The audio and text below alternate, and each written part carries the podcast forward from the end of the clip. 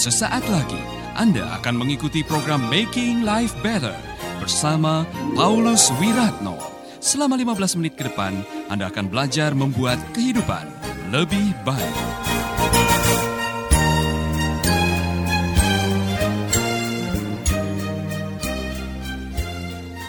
Baik, saudara pendengar yang dikasih oleh Tuhan, saya ingin melanjutkan apa yang saya bahas, masih bicara mengenai Elia.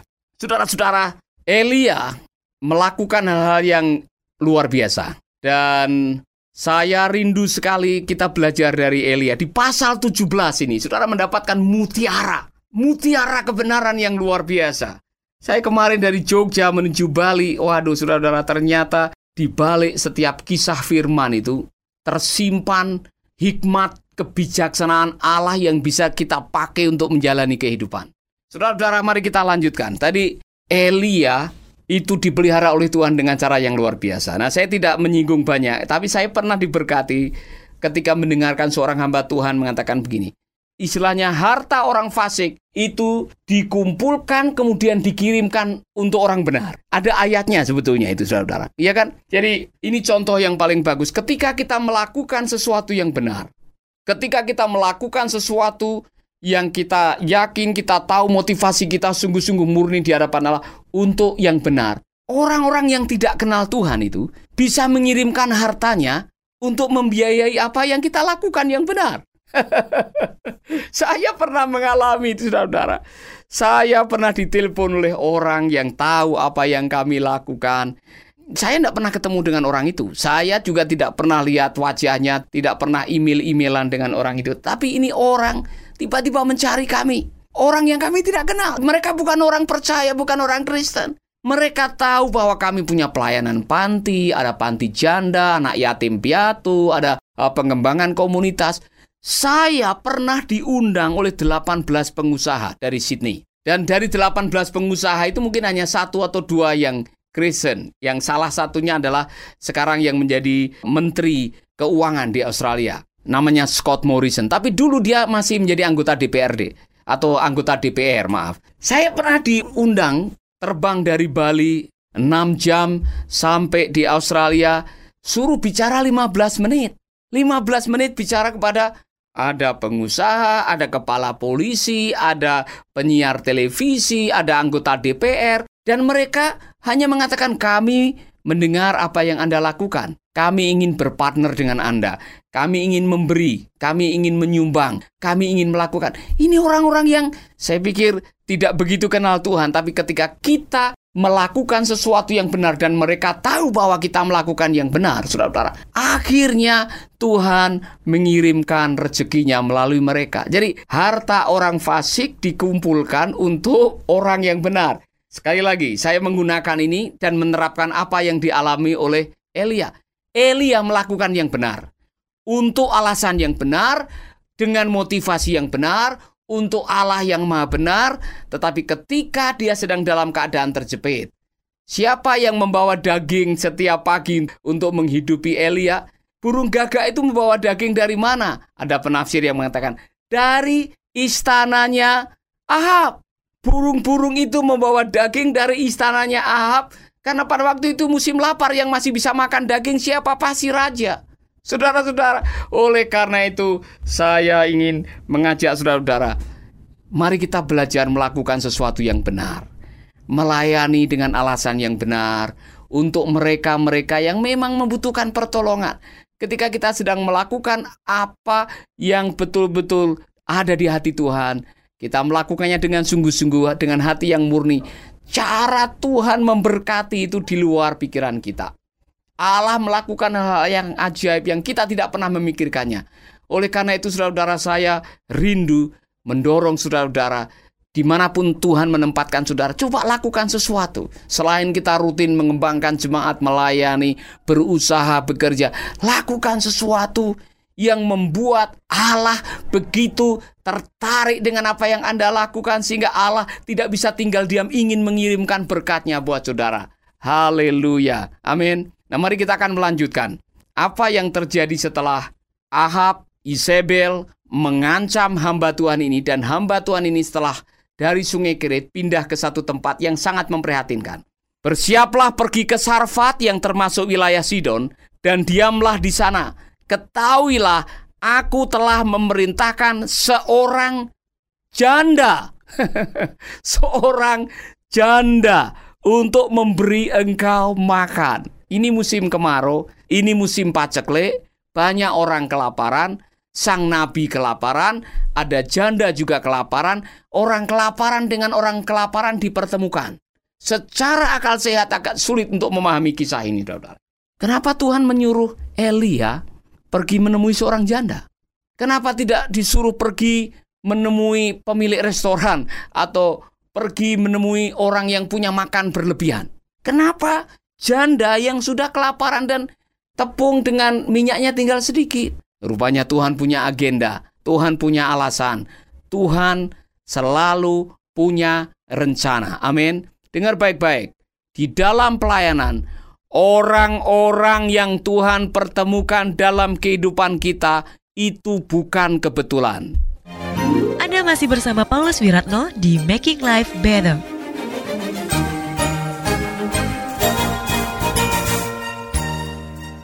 Rekan-rekan hamba Tuhan yang melayani, kalau ada orang, ada jemaat, ada partner, ada siapa pun yang Tuhan kirim di dalam kehidupan kita itu bukan kebetulan.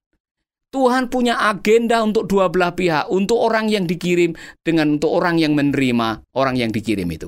Jadi di sini Allah memerintahkan Nabi Elia untuk menemui seorang janda karena Allah punya agenda buat dua-duanya. Yang satu kepada hambanya, dia akan menyaksikan bagaimana Allah bekerja. Yang satu juga si janda, dia akan melihat bagaimana Allah bekerja dalam kehidupannya.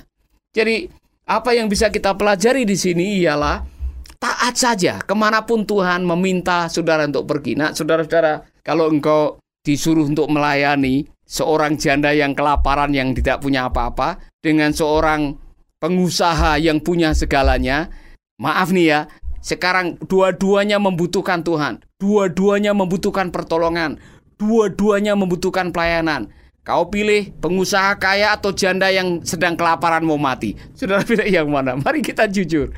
Maaf ini, standar manusia kemungkinan kita akan pilih, oh pak, saya akan mengunjungi pengusaha yang sedang diberkati. Siapa tahu? Nah ujung-ujungnya mencari domba yang lezat itulah kerinduan jiwaku. Yang dicari yang lezat bukan yang sesat. Mari kita bertobat. Amin. Saudaraku, Elia pergi kepada janda itu. Dan Elia belajar sesuatu. Saya yakin Elia belajar sesuatu. Belajar ketaatan. Dua-duanya. Apa yang terjadi pada waktu itu? Elia bilang kepada janda yang ditemui di Sarfat dan mengatakan, "Pergi, ambil segelas air buat saya." Saudara-saudara, ini musim kemarau. Ini musim paceklik. Ini musim lapar. Tetapi janda itu saya tahu dia tahu persis siapa yang menyuruhnya. Saudara-saudara, apa yang terjadi? Sang janda pergi mengikuti apa yang dikatakan dan sementara dia sedang pergi untuk mengambil air, belum mendapatkan air, sudah ada pesan yang kedua, tolong bikin roti buat saya. Nah, baru si janda itu protes dan mengatakan, Tuan Nabi, tepung tinggal sedikit, minyak tinggal sedikit. Kami akan makan kemudian dengan anak kami besok menunggu kematian. Ada satu kalimat ya saya yakin kita semua pernah membaca, pernah uh, mengkhotbahkannya. Dia mengatakan, "Buat roti bundar kecil buat saya dulu." Saya yakin Elia bukan egois.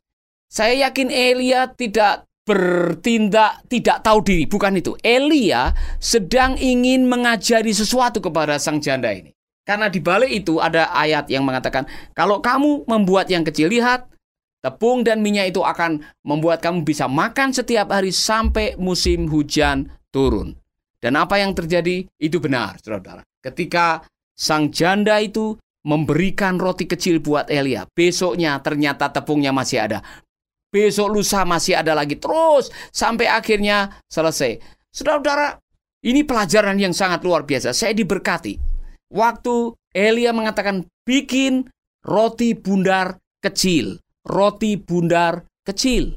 Saudara tahu kecil, itu mungkin untuk makan berdua tidak bisa. Itu sangat kecil. Tetapi sesuatu yang kecil diberikan sebagai sebuah persembahan untuk orang yang diutus Allah itu bisa menjadi sesuatu yang besar. Sesuatu yang kecil diberikan untuk maksud yang besar bisa berdampak yang luar biasa.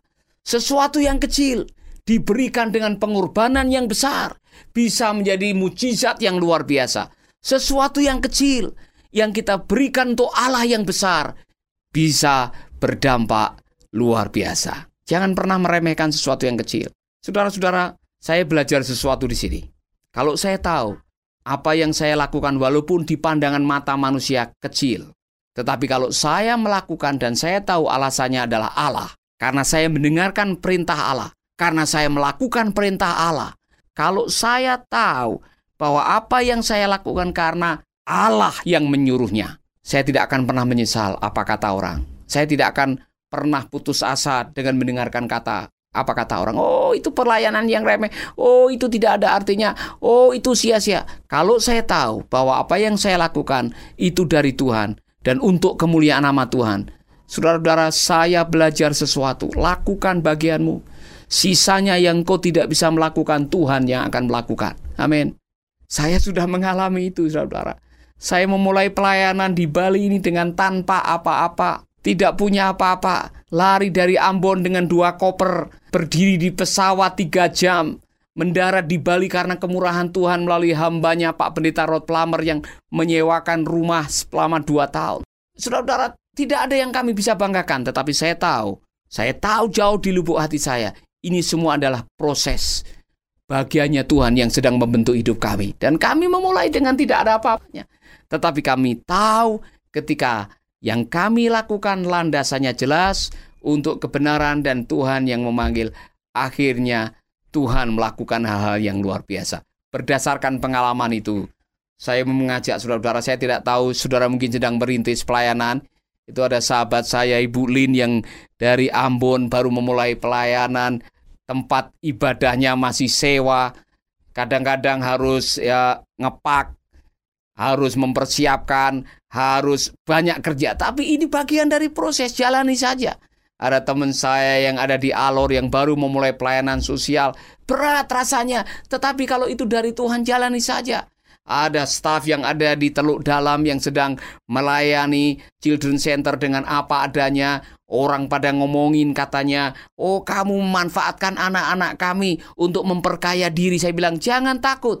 Kalau engkau yang melakukan dengan motivasi yang benar, itu lama-lama apa kata orang bisa berhenti sendiri. Karena mereka akan melihat bukti bahwa Tuhan kita setia dan Tuhan yang akan mencukupkan hidup kita. Amin. Saudara-saudara, do your best. Lakukan bagianmu yang kau bisa lakukan. Sisanya yang kau tidak bisa melakukan, serahkan kepada Tuhan. Jangan menunggu nanti semua tercukupi baru engkau melakukan pelayanan. Telat. Do your best. Lakukan sebisa-bisanya yang kau melakukan dengan prinsip apa saja yang kau jumpai dengan tanganmu, lakukanlah seolah-olah untuk Tuhan. Amin. Lakukanlah seolah-olah untuk Tuhan, maka Tuhan akan melakukan yang ajaib di dalam kehidupan saudara. Amin, saudaraku. Uh, untuk semua sahabat Radio Dian Mandiri Network di mana pun Anda berada, saya tidak tahu situasi saudara, Mungkin kau sedang merintis sesuatu, engkau sedang memulai sesuatu, engkau sedang mengawali bisnis, engkau mungkin sedang memulai sebuah pelayanan, apa pun juga. Saya mau mengajak saudara-saudara, setialah kepada Tuhan, lakukan yang terbaik yang Anda bisa. Jangan menunggu sampai semua besar baru memulai. Lakukanlah apa saja dengan tanganmu dan berharap melangkah dengan iman. Karena biasanya mujizat itu terjadi pada waktu kita mulai melangkah dan Allah melihat kesetiaan kita karena prinsip surga adalah setia dengan yang kecil, Tuhan akan kasih yang besar. Amin. Nanti saudara akan dibikin terkejut oleh Tuhan. Di tengah jalan, saudara akan melihat hal-hal yang luar biasa yang tidak pernah Anda pahami. Allah sanggup melakukan itu. Kalau saudara sedang merintis dan saudara mengatakan melalui radio ini, Pak, saya rindu Tuhan melakukan keajaiban, Pak. Saya mau setia. Apa pun juga situasinya, saya mau setia. Meskipun berat, saya mau setia. Saya mau berdoa buat saudara, taruh tangan kanan di dada. Dan belajarlah bermimpi yang besar buat Tuhan. Bermimpi yang besar, tapi tekunlah dengan yang kecil-kecil yang ada di depan saudara. Amin. Kita akan berdoa. Bapak kami di dalam surga, Kami percaya kebenaran firman-Mu. Kami percaya firman-Mu ya dan amin. Kami mau berpegang teguh pada janjimu. Waktu kami setia dengan yang kecil, Tuhan sudah mempersiapkan yang besar. Karena sementara kami melakukan yang kecil, Tuhan sedang memperbesar infrastruktur di dalam diri kami. Mempersiapkan mental kami, mempersiapkan hidup kami. Sehingga waktu menerima yang besar, tidak kaget, tidak lari dari Tuhan, tidak menjauhi panggilan, tidak sombong, dan tetap memuliakan nama Tuhan. Di dalam nama Yesus kami berdoa. Amin, amin, amin.